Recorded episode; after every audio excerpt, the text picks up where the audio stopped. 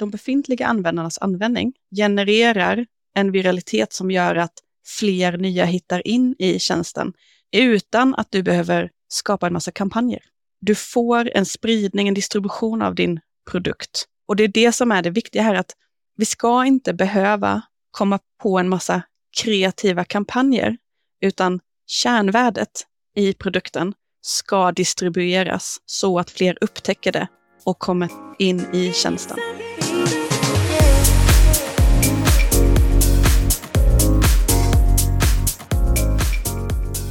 Det där var Joni Lindgren och det här är ett nytt avsnitt av Digital marknadsföring med Tony Hammarlund. En podd där jag intervjuar några av Sveriges främsta branschexperter och marknadsförare. Product-led growth är ett begrepp och en strategi för go-to-market som blivit allt mer populär. Och det är något som jag som marknadsförare vill lära mig mer om. Så jag bjöd in Joni Lindgren som är expert inom just product-led growth och datadriven produktutveckling. Hon är också medgrundare av konsultbyrån Skilla Studio där hon och hennes team hjälper företag med en strategi för product-led growth och att bygga produkter som har förmågan att växa riktigt snabbt. Och man jobbar med några av Sveriges främsta techbolag. Joni och medgrundaren Jasmin driver också en podd där de pratar mycket om just product-led growth, experiment och att arbeta datadrivet på riktigt. Vi pratar i det här avsnittet om vad product-led growth är och vad det innebär i praktiken, samt vad som skiljer det från de två andra typerna av strategier för go-to-market, sales-led och marketing-led. Joni förklarar bland annat konceptet growth loops och varför det är så centralt inom product-led growth. Vi går dessutom igenom de tre olika typerna av loopar, underkategorier och tar upp ett antal olika exempel. Du får bland annat höra om vilka typer av företag det här passar för, mängder med olika exempel på vad det innebär, fördelar, nackdelar och utmaningar, growth models och vad det är för något, varför Joni jobbar med North Star Metric och hon delar även mängder med konkreta tips för hur man lyckas med product-led growth, plus en massa mer. Du hittar som vanligt länkar till allt vi nämner i poddenläget på tonyhammarlund.io, så du behöver inte anteckna. Och där har du även tidsstämplar så att du enkelt kan hitta tillbaka till olika sektioner i intervjun. Tycker du att ljudet är lite extra bra idag så är det inget du inbillar dig, för jag har precis uppgraderat min hemmastudio. Tillsammans med Scandinavian Photo som är med och sponsrar veckans avsnitt så har jag satt ihop utrustning som kommer ta ljudet i podden till en ny nivå. Du kan läsa mer om det på min webbsida där jag har skrivit en artikel om all utrustning. Där kan du även kolla hur det ser ut och inte minst höra ett ljudtest. Och vill du också skaffa dig bättre ljud för digitala möten, webinars eller varför inte en poddintervju?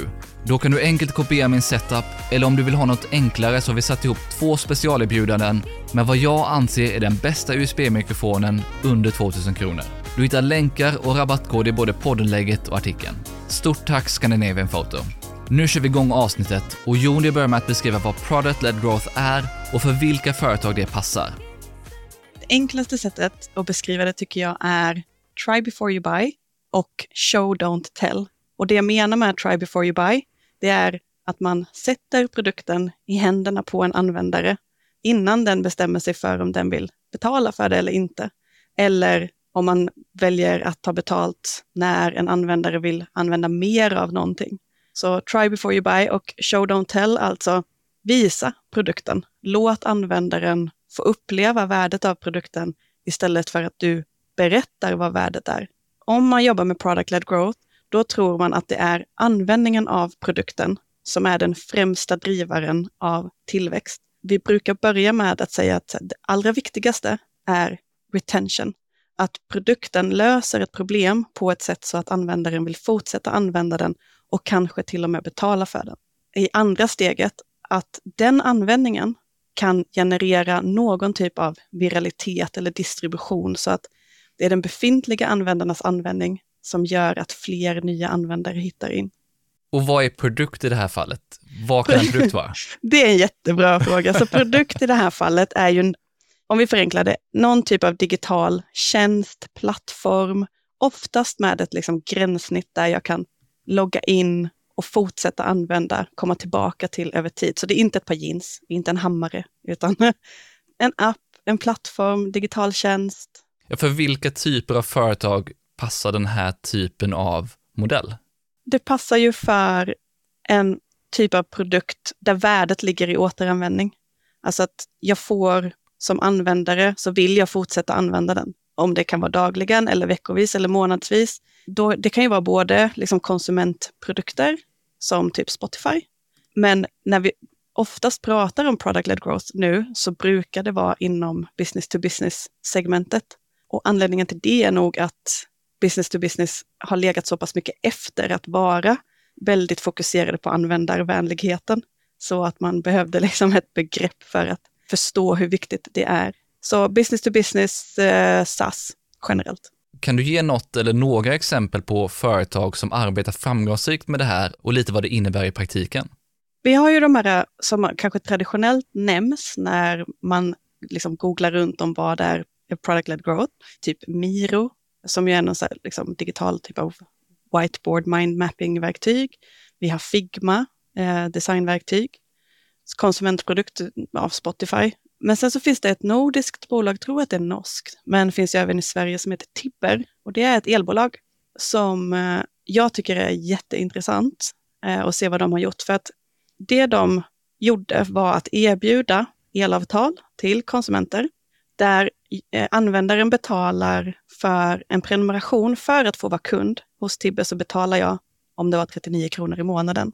Det är så Tibber tjänar pengar på mig i första hand. Medan andra traditionella elbolag, de får ju betalt här, för varje kilowattimme jag använder så tar de en cut.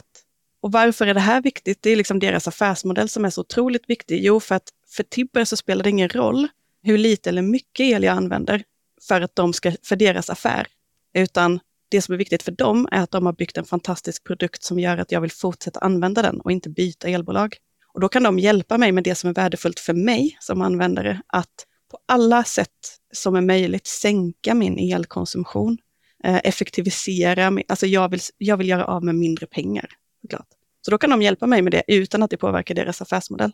Så det är egentligen en, en jätteviktig förutsättning för att det ska lyckas. Men det de sen då har gjort är att bygga en fantastiskt bra app som visar mig olika, liksom, jag kan bli smartare i min elanvändning, jag ser hur jag spenderar el över tid. Och så i och med att den upplevelsen är bra vill jag fortsätta använda den. Det de också gjorde, och det här var innan elpriserna började rusa, så använde de sig av något som kallas för en financial viral loop. Vi kommer komma in på loopar sen. Och det gick ut på att befintliga kunder fick ett erbjudande om att dela en personlig länk. Och om någon signar upp sig med hjälp av den länken så fick kunden 500 kronor att handla för i deras egen shop. Och den som signade upp sig fick också 500 kronor. 500 kronor är så pass mycket att det blir en wow. Ja, bra. Shoppen är ju heller inte vad som helst. Det är inte, de säljer ju inte jeans då, utan det de säljer är produkter som är relaterat till elanvändning och effektivisering och att bli liksom, smarta hem och sådär. Med affärsmodellen, produkten och den liksom, smarta inbyggda viraliteten så lyckades de få väldigt mycket kunder redan innan elkrisen kom.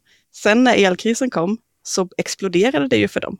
De växte hur mycket som helst och det var ju god timing. Eh, men det gick ju bra redan innan. Du var inne på det lite här, men vad i det de har gjort här är det som du skulle säga är product-led growth? Det är alla delar egentligen. Dels så är det att de har en affärsmodell som stödjer att vara produktledd. Och att vara produktledd, det handlar ju jättemycket om att se till kundens problem och att lösa det så effektivt som möjligt. Så om andra traditionella elbolag löser problemet att jag ska få el till mitt hem, så här, ja, men det gör de ju och det gör ju Tibber också. Men Tibber löser också problemet att hjälpa mig att minska mina elkostnader, vilket jag är jätteintresserad av. Ja, affärsmodellen i sig som stödjer att det är möjligt och sen så bygger de en fantastisk produkt som också levererar på det löftet. Eh, och sen så använder de den här befintliga användningen till att distribuera, skapa viralitet. Allt det är liksom olika delar i product-led growth-mekanismerna. Har du något projekt som du varit involverad i själv där man jobbar med PLG? Det är ju egentligen det enda som vi jobbar med, men jag har ett intressant case som jag tror kan vara kul att lyssna på. Jag och mitt team då av konsulter fick eh, hjälpa en live video shopping-plattform. Alltså om du tänker dig tv-shop, fast 2022. Så e-handlare kan använda sig av livestreaming där tittarna direkt kan köpa produkterna som presenteras. Så jättespännande. Och de hade haft liksom en traditionell säljledd go-to-market där marketing driver leads och som säljorganisationen sedan tar över, bokar möten, visar produkten. Det som vi skulle göra då var att se om, liksom, dels kan vi, kan vi öka antalet leads eller andelen leads som kommer in och kan vi göra dem mer kvalificerade? Och är en product-led growth motion möjlig för det här bolaget? För det är en jätteviktig fråga. Det är inte säkert att det är det, men så, så är det möjligt. Och eh, resultatet, så vi, vi eh, gjorde ett jättededikerat liksom, jobb i fyra månader och då lyckades vi öka antalet leads från 40 till 120 i veckan på de här fyra månaderna. Så det var ju kul, men vi, vi gjorde ju också någonting med i vilken typ av leads och hur bearbetade de var. Business överhuvudtaget, så här, det handlar ju om att vi ska sälja någonting till någon. För att sälja någonting så måste vi övertyga någon. Och då är ju bara frågan, vem eller vad är det som skapar det, det övertygandet? Och det är ju många mekanismer tillsammans. Men tidigare då så hade man tänkt att här, det är en säljare som ska göra det här själva övertygandet. Men kan vi få liksom, produkten i sig att vara det som övertygar till att få folk att bli kunder och att fortsätta vara kunder över tid? Det vi gjorde då var ju en liksom, lista på hypoteser och frågeställningar som vi, så här, vi behöver validera och förstå det här för att veta om det här bolaget kan använda sig av en product-led growth motion. Och när vi kom in då så fanns det ju en potentiell kund fick inte veta hur produkten ser ut eller funkar förrän de liksom är i ett säljsamtal. Och då får de se screenshots, kanske möjligen liksom en live-demo av produkten, men generellt så var det liksom. Vilket går tillbaka till det här show, don't tell. Exakt, exakt. så då tänkte vi så här, vad kan vi göra för att liksom, testa om eh, vad, vad händer om vi ger potentiella kunder bara ett inlogg till ett demokonto? Så då byggde vi det, alltså då bygger vi det ganska kackigt liksom, för vi vill inte lägga för mycket tid på att bygga en liksom, superflashigt, utan vi vill testa, testa hypotesen. Så med hjälp av eh, två utvecklare, en designer och en analytiker, så på två veckor så fick vi upp liksom access till ett demokonto. Och då ökade vi signups till det här, alltså leads med 83 procent, bara för att liksom presentera så här, test try demo. Så det var ju kul. Eh, det indikerar någonting. Eh, men en jätteviktig och intressant frågeställning som det här företaget hade då, det var att det fanns en farhåga i det här bolaget att det var för svårt för en potentiell kund att liksom rent tekniskt implementera och komma igång med produkten utan att prata med en säljare eller en customer success-person. Men när vi släppte lös det här, eftersom att det var ett live video streamingverktyg, så fick, fick, alltså jag har aldrig varit med om ett bättre användningstest, men vi fick ju se första reaktionen när folk liksom kommer igång med den här användningen, så hade vi video på deras reaktion.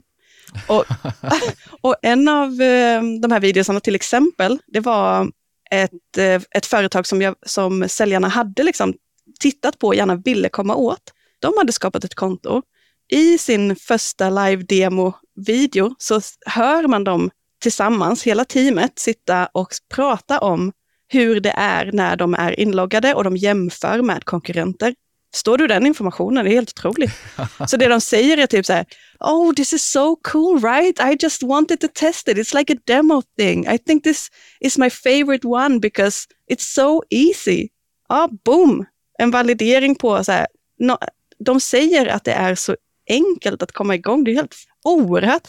Så, och tänk dig typ att du är en marknadsförare då, eller en säljare som får den här informationen till, liksom, så här, vad gör du med den? Jo, du kan slipa din value proposition. Du förstår var de har problem. Eh, om du är en säljare som sen kan komma in och ha ett, ett samtal med dem så vet du en massa saker som du inte hade vetat innan. Du slipper ställa en massa discovery-frågor som konsumenterna hatar, för det finns ju skitmycket data på att vi som köper mjukvara, vi vill göra research själva. Vi vill inte prata med en säljare. Tänk dig till alla, ah, alla som köper mjukvara är en svensk i ett varuhus. Du vet, när man går in i ett varuhus, man går in och kikar lite, så kommer en, en eh, vad heter det, sån här person som jobbar i... Expedit. Ja, exakt. De bara, kan jag hjälpa till med någonting? Ja, jag, jag bara kollar. vi är alla de när vi köper mjukvara. Vi vill veta, vad kostar det här? Hur funkar det? Kommer det här lösa mina problem bättre än konkurrenterna? Och jag vill kunna jämföra dem utan att prata med en person. Och att kunna serva på det, det är ju att vara product-led. I det här exemplet så pratade de om att de hade en säljledd modell och att ni testade och se om man kan använda den här modellen med product led. Kan man kombinera båda modellerna eller handlar det om att välja väg helt och hållet, att köra på det ena eller det andra? Man kan absolut kombinera, men man ska ha respekt för att det inte är jättelätt att göra det. Så I en drömvärld, om du startar ett företag idag, så kommer du ju att behöva välja en go-to-market. Antingen så kommer den vara marketing-led, sales-led eller product-led. Och så kommer du att behöva naila det innan du adderar fler growth motions. Och att vara marketing-led, det passar för vissa typer av företag och affärsmodeller och vad man säljer. Att vara sales-led passar bättre för andra och product-led för andra. Så det handlar också om att förstå vad har jag för produkt? Vad har jag för affärsmodell? Vilken go-to-market passar oss då? Det finns en jättebra matris som en fantastisk person som heter Elena Verna har eh, delat. Hon pratar om tre growth motions. Då är det acquisition. Hur får vi nya kunder? Hur får vi dem att stanna kvar? Retention. Och hur tar vi betalt av dem? Så acquisition, retention, monetization. Och sen så har vi liksom marketing-led, product-led, sales-led. Om du tänker dig de här som en eh, tre gånger tre matris så kan du liksom se din affär i fråga om, med vår acquisition, är den product-led, marketing-led eller sales-led? Vår retention, är den product-led, sales-led eller marketing-led? Eh, så du behöver inte heller vara liksom product-led all the way, utan det kan vara så att det är en flavor, eh, en, en mix av olika. Och att kunna hitta rätt i den kombinationen, det är jätteviktigt. Liksom I alla mina coachinguppdrag eh, som jag har, eller i alla våra konsultuppdrag som vi har, så är det där en modell som vi ofta tittar på. Den är väldigt givande för liksom, management team. Det är jätteviktigt för dem att förstå vad är det vi gör här? Hur får vi nya kunder? Hur behåller vi dem? Och hur tar vi betalt? Vad fyller den modellen för syfte för mig som företag? Är det att informera oss om vad vi faktiskt gör i de här tre olika skedena? Eller hur använder man den? Ja, det är för att vara väldigt, väldigt tydlig. Min erfarenhet är att det inte alls alltid i ledningsgrupperna ens är en samsyn kring hur man besvarar de här tre frågorna. Hur får vi nya kunder? Hur behåller vi dem? Hur tar vi betalt? Utan för i ledningsgruppen så sitter det personer med helt olika bakgrund, helt olika ansvar. Någon säljchef, produktchef, teknikchef, vd. Deras bakgrunder kommer påverka hur, liksom, deras mentala modell för hur de ser att det här bolaget ska växa. När de får sitta med den här modellen och den är liksom visualiserad, så blir deras diskussioner väldigt givande för dem, för de inser var de har inte samsyn. Det är väldigt sällan jag har kommit in i ett bolag där de uttryckligen säger det här är så här vi jobbar. Utan det är liksom implicit. Det är implicit så här, du har blivit eh, anställd som marknadsförare in i marknadsföringsteamet. Får du oftast liksom en breakdown i det här övergripande, varför vi gör det vi gör, varför vi tror att det är så här vi, liksom vår go-to-market ser ut. Nej, det är bara in, kör, kötta. Ja, för då kommer vi också in på det här vad det är som skiljer product-led growth från de här andra strategierna för att driva tillväxt. Den mest konkreta, det är ju att du låter en användare klara sig själv väldigt länge och du behöver ha ganska mycket is i magen för att eh, låta dem vara. Alltså har du sett? Det finns en, det finns en meme, du vet när det är en herrtoalett, du har en lång pissoar och så står det någon längst bort och så kommer det in en säljare och ställer sig precis bredvid när han egentligen hade kunnat ställa sig tio meter bort. Ja, det kanske blev lite visuellt. Men du, eh, i product led så låter vi användaren vara tills vi vet, tills vi får en signal om här är en användare som använder produkten så pass mycket att den kommer få ut mer värde av produkten om den köper in sig på en högre tier. Om det är så att man har produkten helt gratis, en freemium-modell, då behöver vi ju verkligen förstå det beteendet i freemium och när man kommer till den punkten.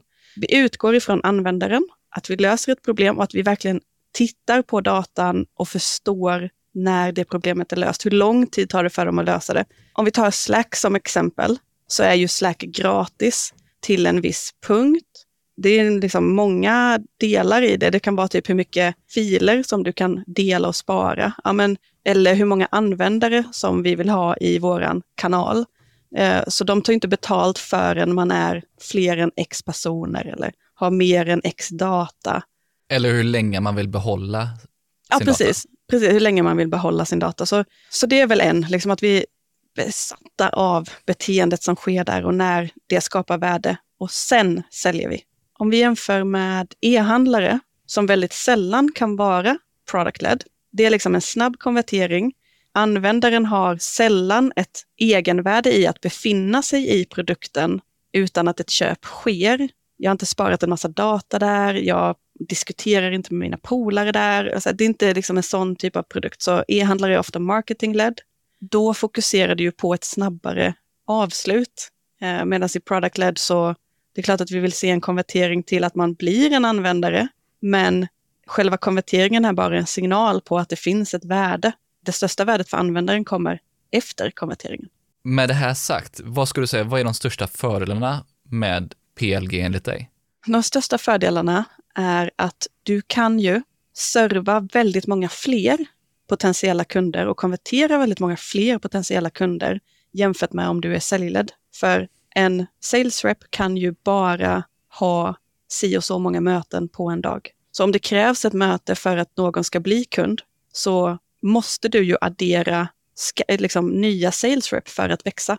Och det gör ju att eh, i, i en product-led growth-modell så har du en eh, liksom inbyggd förmåga att skala snabbare om du liksom träffar rätt i alla dina mekanismer. Det här, det här har jag ingen data på, men min, min erfarenhet är att de företagen och teamen som jobbar product-led är inherently mer eh, ödmjuka eftersom att de hela tiden måste titta på användarnas beteende. Och man blir fasen alltid motbevisad i liksom vad, vi, vad vi tror funkar. Jag vet inte om du har hört de här eh, statistiken på hur ofta vi har fel.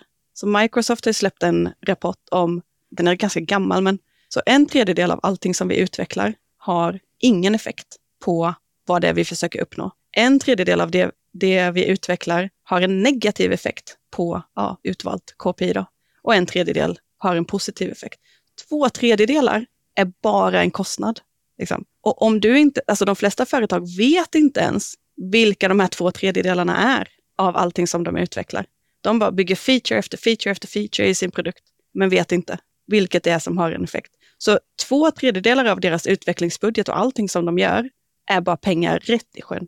Men i produktledda bolag, de metoderna och processerna som vi använder förutsätter att vi är väldigt datadrivna och gärna jobbar med experiment, validera hypoteser. Så, så de här företagen blir mer ödmjuka i det är inte liksom någon som sitter och bara, nu ska vi göra det här, för investerarna tycker att vi ska göra det här, eller jag är vd, ja, vi säger att vi ska göra det här, jag vet att det, kommer, det här kommer vi sälja bra på. Om man tittar mer då på vad som faktiskt driver användning och retention. Och monetization, ja. Höstsäsongen är här och med den en massa grymma event. Och i år är Sveriges, om inte Nordens bästa event för alla marknadsförare som gillar konverteringsoptimering och growth tillbaka, Conversion Jam. Den 26 oktober är det äntligen dags igen efter ett uppehåll och vilken återkomst! Det blir en hel dag med några av världens vassaste experter och en massa intressanta ämnen. Eller vad sägs om CRO-pionjären Ronny Kohavi som kommer prata om hur man innoverar snabbare genom experiment? Eller bästsäljaren, författaren och byrågrundaren Kenda McDonald som kommer prata om hur man hackar köparens hjärna? Och Andreas Gref på Konventionista som kommer prata om hur AI kan komma att rita om framtiden för CRO. Du har inför eventet också möjlighet att rösta fram din favorit från de högst rankade talarna från tidigare event. Så det här vill du verkligen inte missa. Conversion Jam äger rum den 26 oktober på Münchenbryggeriet i Stockholm. Jag kommer vara där och hoppas att vi ses. Som lyssnare får du med koden TONY 500 kronor i rabatt på din biljett och lyssnar du på det här före den 31 augusti så kan du även köpa biljett till Early Bird-pris. Det gör du enkelt på cjam.se, men du hittar även länken i poddenlägget. Om det här är de största fördelarna med att använda det, vad är de största nackdelarna eller utmaningarna som finns med det? En utmaning som jag ser bolag då som är, de flesta bolagen, SAS-bolagen i Sverige är säljledda. Så man säljer med hjälp av en säljare. När man börjar titta på att addera en product-led motion, då är det otroligt svårt att släppa att vara liksom hands-on och försöka vara, men det här är ett lead, jag kan ringa den nu och så kan jag sälja. Så en nackdel med product-led är att det tar lång tid att starta upp om du inte har byggt in det från början. Då pratar vi om minst ett år från det att du börjar till att du har byggt de tekniska liksom, förutsättningarna för det, men framförallt fått med dig i organisationen. För du har ju anställt folk som har kunnat någonting annat. ja, som var jättebra på, jag vet inte, brand marketing eller influencer marketing. Det, du kan fortfarande använda det i product led, men du behöver fortfarande addera kompetensen för att klara av product led. Så, så det är en lång uppstart skulle jag säga. Och man måste ha resurser för att faktiskt klara av den uppstarten också. Ja. Vi var inne på det lite här, men vad är det som skiljer hur man tänker och arbetar med olika kanaler, taktiker och innehåll? Vi använder en, en mental modell som vi kallar för growth loops. Så istället för att vi tänker som den traditionella funnel, så tänker vi loopar. Och anledningen till att vi gör det, det är för att se till att vi utnyttjar användningen av produkten så att det genererar någon typ av output som ger viralitet. Om du tänker dig en loop, där steg ett, första steget är en ny potentiell användare kommer in, signar upp, börjar använda produkten, alltså kärnvärdet av produkten. Den användningen triggar någon typ av output som gör att fler nya användare kan hitta in. Det är just det här steget mellan att använda kärnvärdet i produkten till att generera en output. Där ligger det så otroligt mycket värde och där har de, all, de allra flesta eh, bolagen väldigt svårt att stänga loopen. För de har inte tänkt så från början, för de har ju delat upp sin organisation och ansvar utifrån kanske mer traditionella silon. Så marketing har ansvar för en viss del av kundresan och sen så kommer det in ett, liksom ett produktteam och utveckling som är ansvariga för vad som händer i produkten och sen så har du en säljorganisation som är ansvarig för att någon tar betalt. När vi tänker på den här loopen istället, då blir det omöjligt för oss att dela upp organisationen i de ansvarsområdena. Så då måste vi börja tänka på kundresan i förhållande till tillväxt som vad kan vi utnyttja i vår produkt som gör att fler hittar dit? Så man kan ju skapa viralitet på andra sätt, alltså med hjälp av marketing. Men vi vill skapa det baserat på användningen. Så ett jättekonkret exempel är Pinterest, Early Days Pinterest. När de kom på att de här nya bilderna som laddas upp, de borde ju indexeras av sökmotorer. Boom, viralitet, massa user generated content där. Så här i efterhand så är det ju jättesjälvklart att de skulle indexera allt innehåll, men det var ju inte det för Pinterest från början, för det var inte så de hade byggt sin produkt. Där hamnar alla bolag.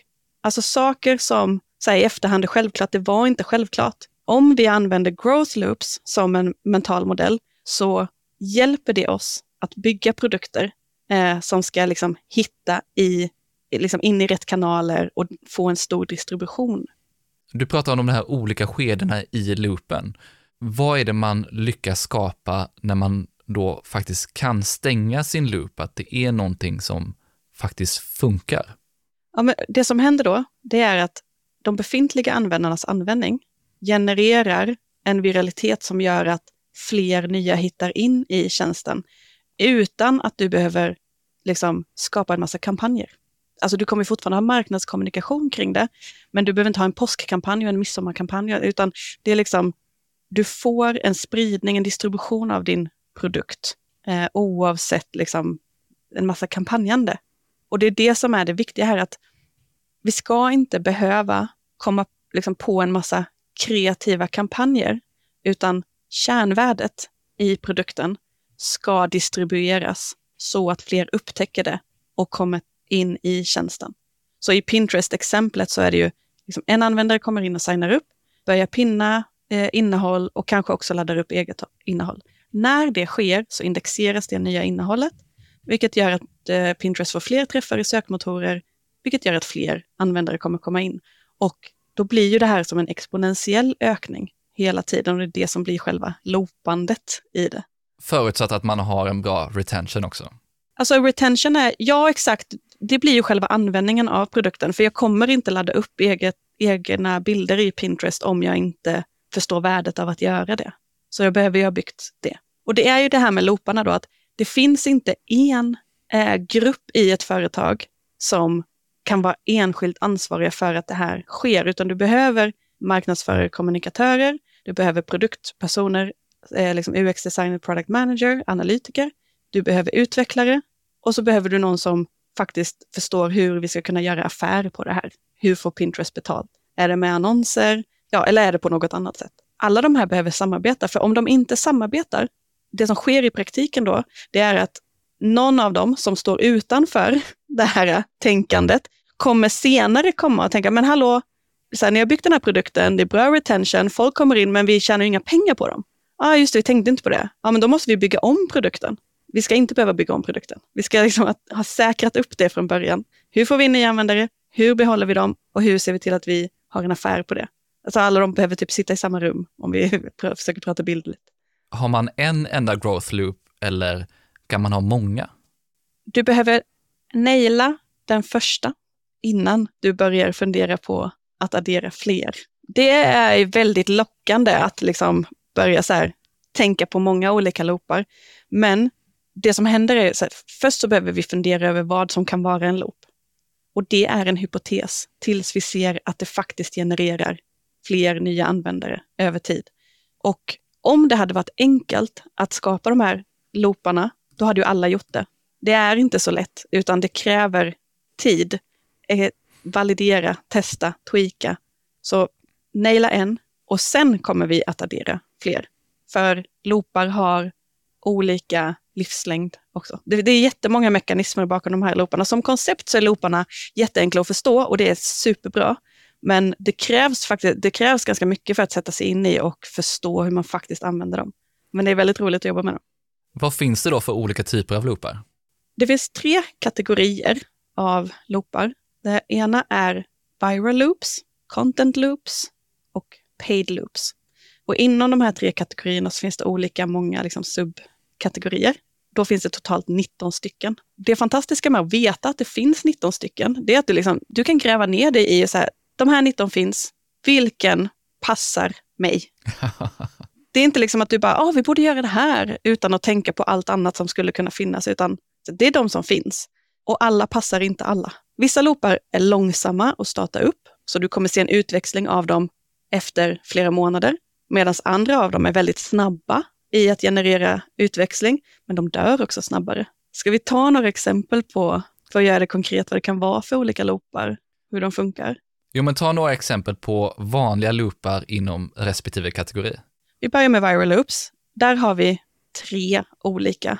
Vi har social viral loop, personal viral loop och financial viral loop. Och här, mekanismerna här handlar ju om att någon ska dela med sig, berätta om. Och i en, i en social viral loop, det är det som du, liksom word of mouth, som marknadsförare brukar kalla det. Det som krävs för att du ska kunna åstadkomma en word of mouth är en 10x experience. Du behöver göra, du behöver bygga en produkt som överträffar användarnas förväntningar jättemycket. Alla vill åstadkomma det, väldigt få kan göra det. Sen så har vi personal viral loop som är vanligare, kanske inom business to business SaaS. Eh, och där handlar det om att en produkt ökar i värde om mina polare är där eller om mina kollegor är där och då bygger vi produkten på ett sätt som gör det väldigt enkelt för användaren att bjuda in andra. Så ett exempel på det är, du tänker early day WhatsApp. När du laddar ner WhatsApp så vill den connecta med din telefonbok. Jag kan skicka ett meddelande till någon som inte har WhatsApp, men det de kommer att få är ett meddelande om att det finns ett meddelande i WhatsApp.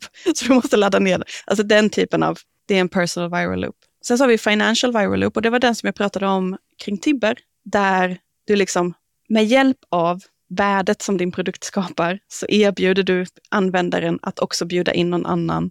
Och så får jag mer av det liksom, ekonomiska värdet. Och där är ett jätte, jättetydligt exempel Dropbox som var ju typ först på den här bollen. Att här, du får mer utrymme, lagringsutrymme i Dropbox om du bjuder in någon annan som också börjar använda Dropbox. Så det måste inte bara vara pengar utan det kan vara värde i sig? I det här fallet? Det bör, in, det bör inte alltid vara pengar, utan det är jätteviktigt att det här finansiella är väldigt starkt kopplat till det problemet som din produkt löser. Alltså Tibber, jag får 500 spänn att handla för i deras shop som har med liksom, att minska min elkonsumtion att göra. Och Dropbox, jag får mer lagringsutrymme. Hade det varit 10 kronor, som det kanske kostar för dem, det, är inte, det, det måste vara väldigt tajt kopplat till deras value promise och value proposition. Det här är den första kategorin viral loops. Då har vi content loops. Ja, och här finns det jättemånga olika flavors av content loops, men det handlar egentligen om vem det är som skapar innehållet och vem det är som distribuerar det. Så vi har user generated content, company generated content och sen så har vi user distributed content, company distributed content. Och de här kan ju kombineras på olika sätt. Så om du tänker dig att eh, Pinterest-exemplet, det var ju user generated content, men det var Pinterest som distribuerade eftersom att de tillgängliggjorde det till sökmotorer. Många business to business eh, jobbar ju med liksom en content-strategi. Så det är company generated content och company distributed. Den loopen är mycket dyrare och långsammare än user generated content. Så man vill liksom hitta rätt i vilken man använder. Men det är också baserat på vad produkten faktiskt kan göra. Så om du tänker dig den här live-video-tjänsten som jag pratade om. Där har du, i produkten så skapas det videos. Då vill vi fråga oss, kan vi utnyttja det här för att stänga en loop? Och vi hittade inte svaret på den frågan under min tid på det bolaget. Men det är ju en superintressant, alltså det är en jättevärdefull fråga. Så, så att, att gå till sin produkt och titta på så vad är det som händer här? Vad, går det för oss att, är det vettigt för oss att ha någonting user generated här? Är det vettigt liksom för användaren i första hand? Om ja, hur ser vi till att det jobbar till våran fördel? Går det? Och just de här frågeställningarna, att resonera på det här sättet, det är jätteviktigt för det blir hypoteser. Och hur kan vi validera dem så snabbt som möjligt för att veta om det funkar? Då har vi content loops där man kan kombinera just vad användaren gör och vad företaget eller tjänsten gör i sig med det innehållet. Ja, och kan vi generera liksom content på det? Och här kan ju content vara många olika saker. Till exempel då som Pinterest, det är bilder som indexeras. Men det kan också vara kodsnippets i GitHub. Det kan också vara en content loop. Så man behöver inte heller vara begränsad till... Inte stänga in sig på artiklar, bilder, videos, utan att det kan vara väldigt mycket mer. Det kan vara väldigt mycket mer och då är vi ju inne på vem är våran ideal customer profile? Vem är våran användare och var är de? I vilka kanaler? Och här blir det ju skitviktigt att marknadsförare och kommunikatörer är med för att de kanalerna som vi behöver jobba med, de har ju olika tekniska förutsättningar.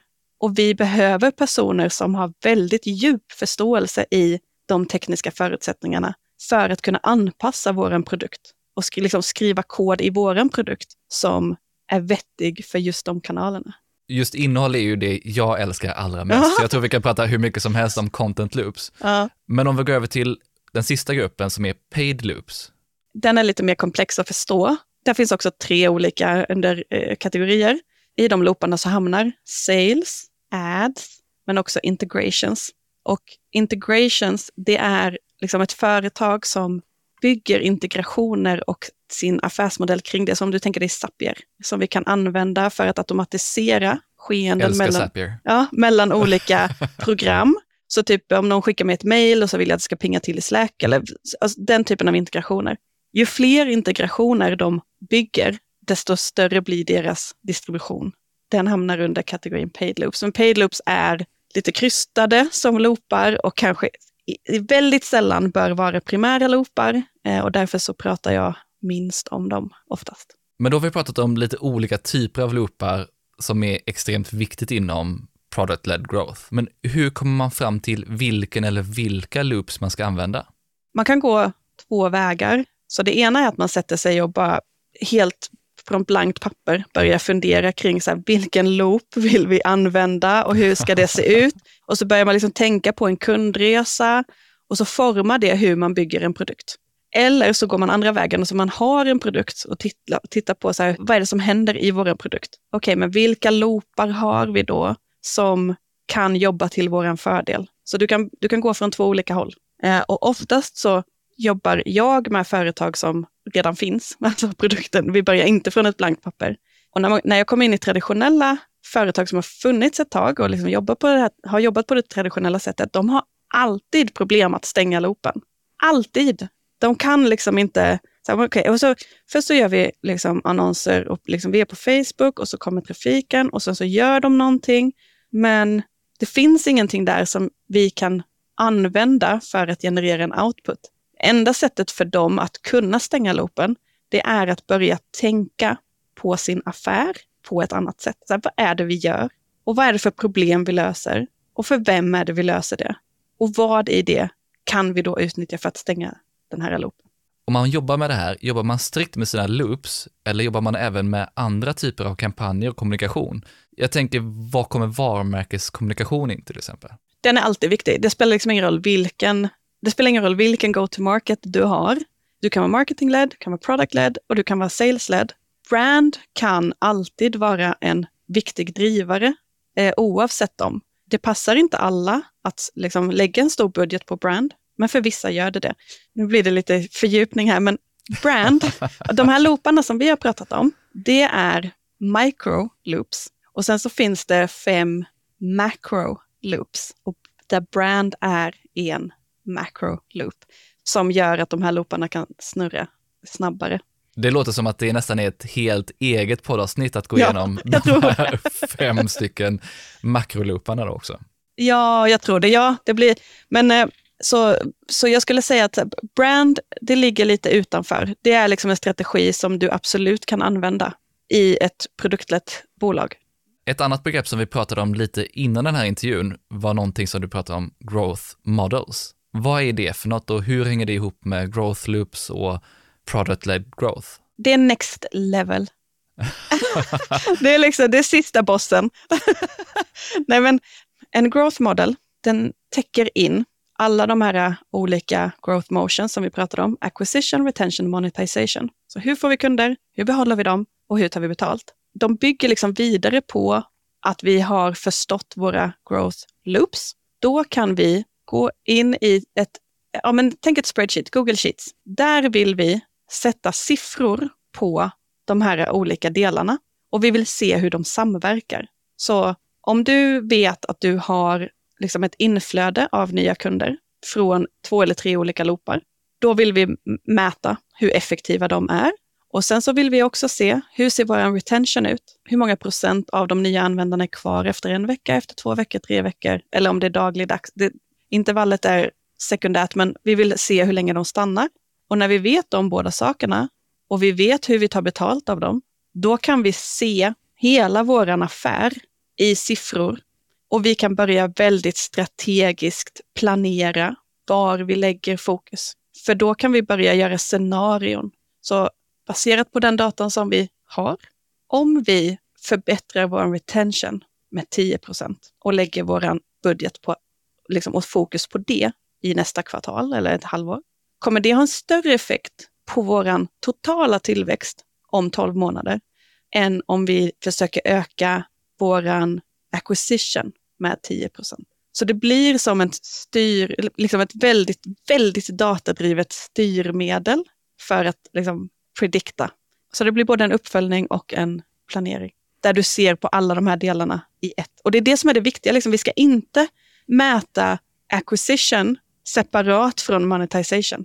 Vi ska inte mäta acquisition separat från retention. Acquisition är inte värt ett skit om de inte stannar kvar efter första nedladdningen av appen eller vad det nu är vi har. Spelar ingen roll hur billiga de blir? Nej, det, nej, det blir ju... Nej, nej, för det blir ju dyrt. Om du vet att de har en skitdålig retention så blir de ju dyra ändå. Och då kommer vi in på det här med mätning. Det är också ett helt avsnitt i sig. Men vad skulle säga, vad är de viktiga sakerna man mäter inom det här? Vilka mätvärden eller kopior är det man tittar på allra mest? Vi jobbar alltid med, alltså jag kan inte prata för alla, men prata med som jag gör. Vi jobbar alltid med eh, Nordstar Metric till att börja med. Och den är viktig för att till skillnad från andra KPI som vi kan titta på, så är North Nordstar Metric ska visa ett värde för både användaren och för affären. Alltså det räcker, så här, vi, så här, vi vill inte, det är inte en konvertering, för då har vi inte skapat värde för användaren ännu. Det är inte att vi har gjort ett sälj för då har vi inte skapat värde för användaren ännu. De mätpunkterna kan ju vara viktiga att titta på också. Men Nordstar Metric måste fånga värdet för användaren. I våras så jobbade vi med ett eh, bolag som säljer så här, värmekameror som du kan koppla till mobilen. Så mjukvaran är gränssnittet till värmekameran. Och där så pratade vi jättemycket om så här, vad är ett Northstar Metric här? Det är liksom, de har ju redan köpt kameran, men och då kom vi fram till att så här, det måste handla någonting om att de använder kameran. Så köpet av kameran var viktigt, men det är jätteviktigt att de faktiskt får ut ett värde av kameran. Då måste de ju liksom logga in, de ska fortsätta använda den. Och då blir det en diskussion som är ganska, alltså det tar ganska lång tid för ett gäng att ha den här diskussionen. För dels är det här gänget som behöver ha den här diskussionen, de kommer in med väldigt olika bakgrund. Så du har produktfolk, du har marknadsförare, du har någon typ av business owner. De tänker väldigt olika. Och så helt plötsligt så måste de börja tänka på an användarens värde. och sen, sen så är det också knepigt för att en Nordstar Metric är en proxy, alltså knepigt ord, men det ska korrelera med en affärsmässig tillväxt i slutändan. Så varför tittar vi inte på ett metric som är typ monthly recurring revenue eh, och har det som vårt viktigaste metric? Alltså, det är ett jätteviktigt metric, men det är för lång feedback loop på den. Det är jättesvårt för oss att veta om användaren upp, alltså löste sitt problem i produkten om vi bara tittar på det där finansiella metricen. Förutom att hitta det här viktiga Northstar Metric, finns det några andra mätvärden eller saker som du ofta tittar på i den här typen av projekt? Ja, för sen så bryter vi ju ner, vi har våra acquisition loopar. När vi skriver ut dem i ett spreadsheet så då är det ju de traditionella, så här, får vi besök till våra landningssidor, konvertera dem, hur ser deras liksom, three day, seven day retention ut?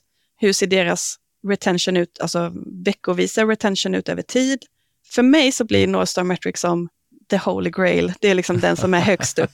Därifrån så behöver vi bryta ner det till metriker som vi kan jobba mot dagligdags och bryta ner dem på ett sätt som gör att vi också kan prioritera mellan dem, för vi kan inte optimera allt samtidigt. Så vi bryter ner kundresan i olika metriker och försöker förstå var vi har, kommer ha störst eh, effekt. Jag tycker det var jätteintressant att höra, för det är väldigt olika hur man ser på den här typen av mätvärden och vad som man faktiskt mäter inom de här olika typerna av go-to-market-strategier.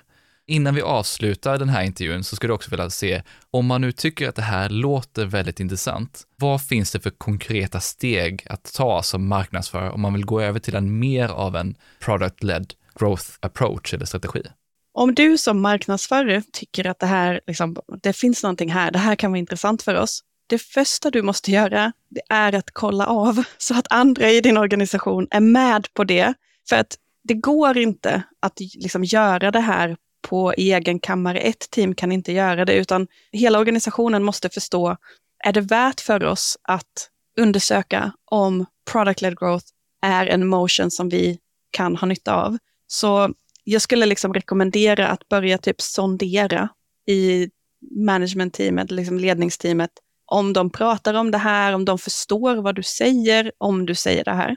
Om det är en väg som man inte vill gå, utan så här, man vill liksom smyga in det lite, då skulle jag liksom rekommendera att man försöker ändå pitcha in så att du har med dig stakeholders i att här, låt oss utforska, låt oss lägga ett kvartal på att se om det finns ett business case här för oss. Och så gör ni hypoteser, så här, vi behöver besvara de här frågorna.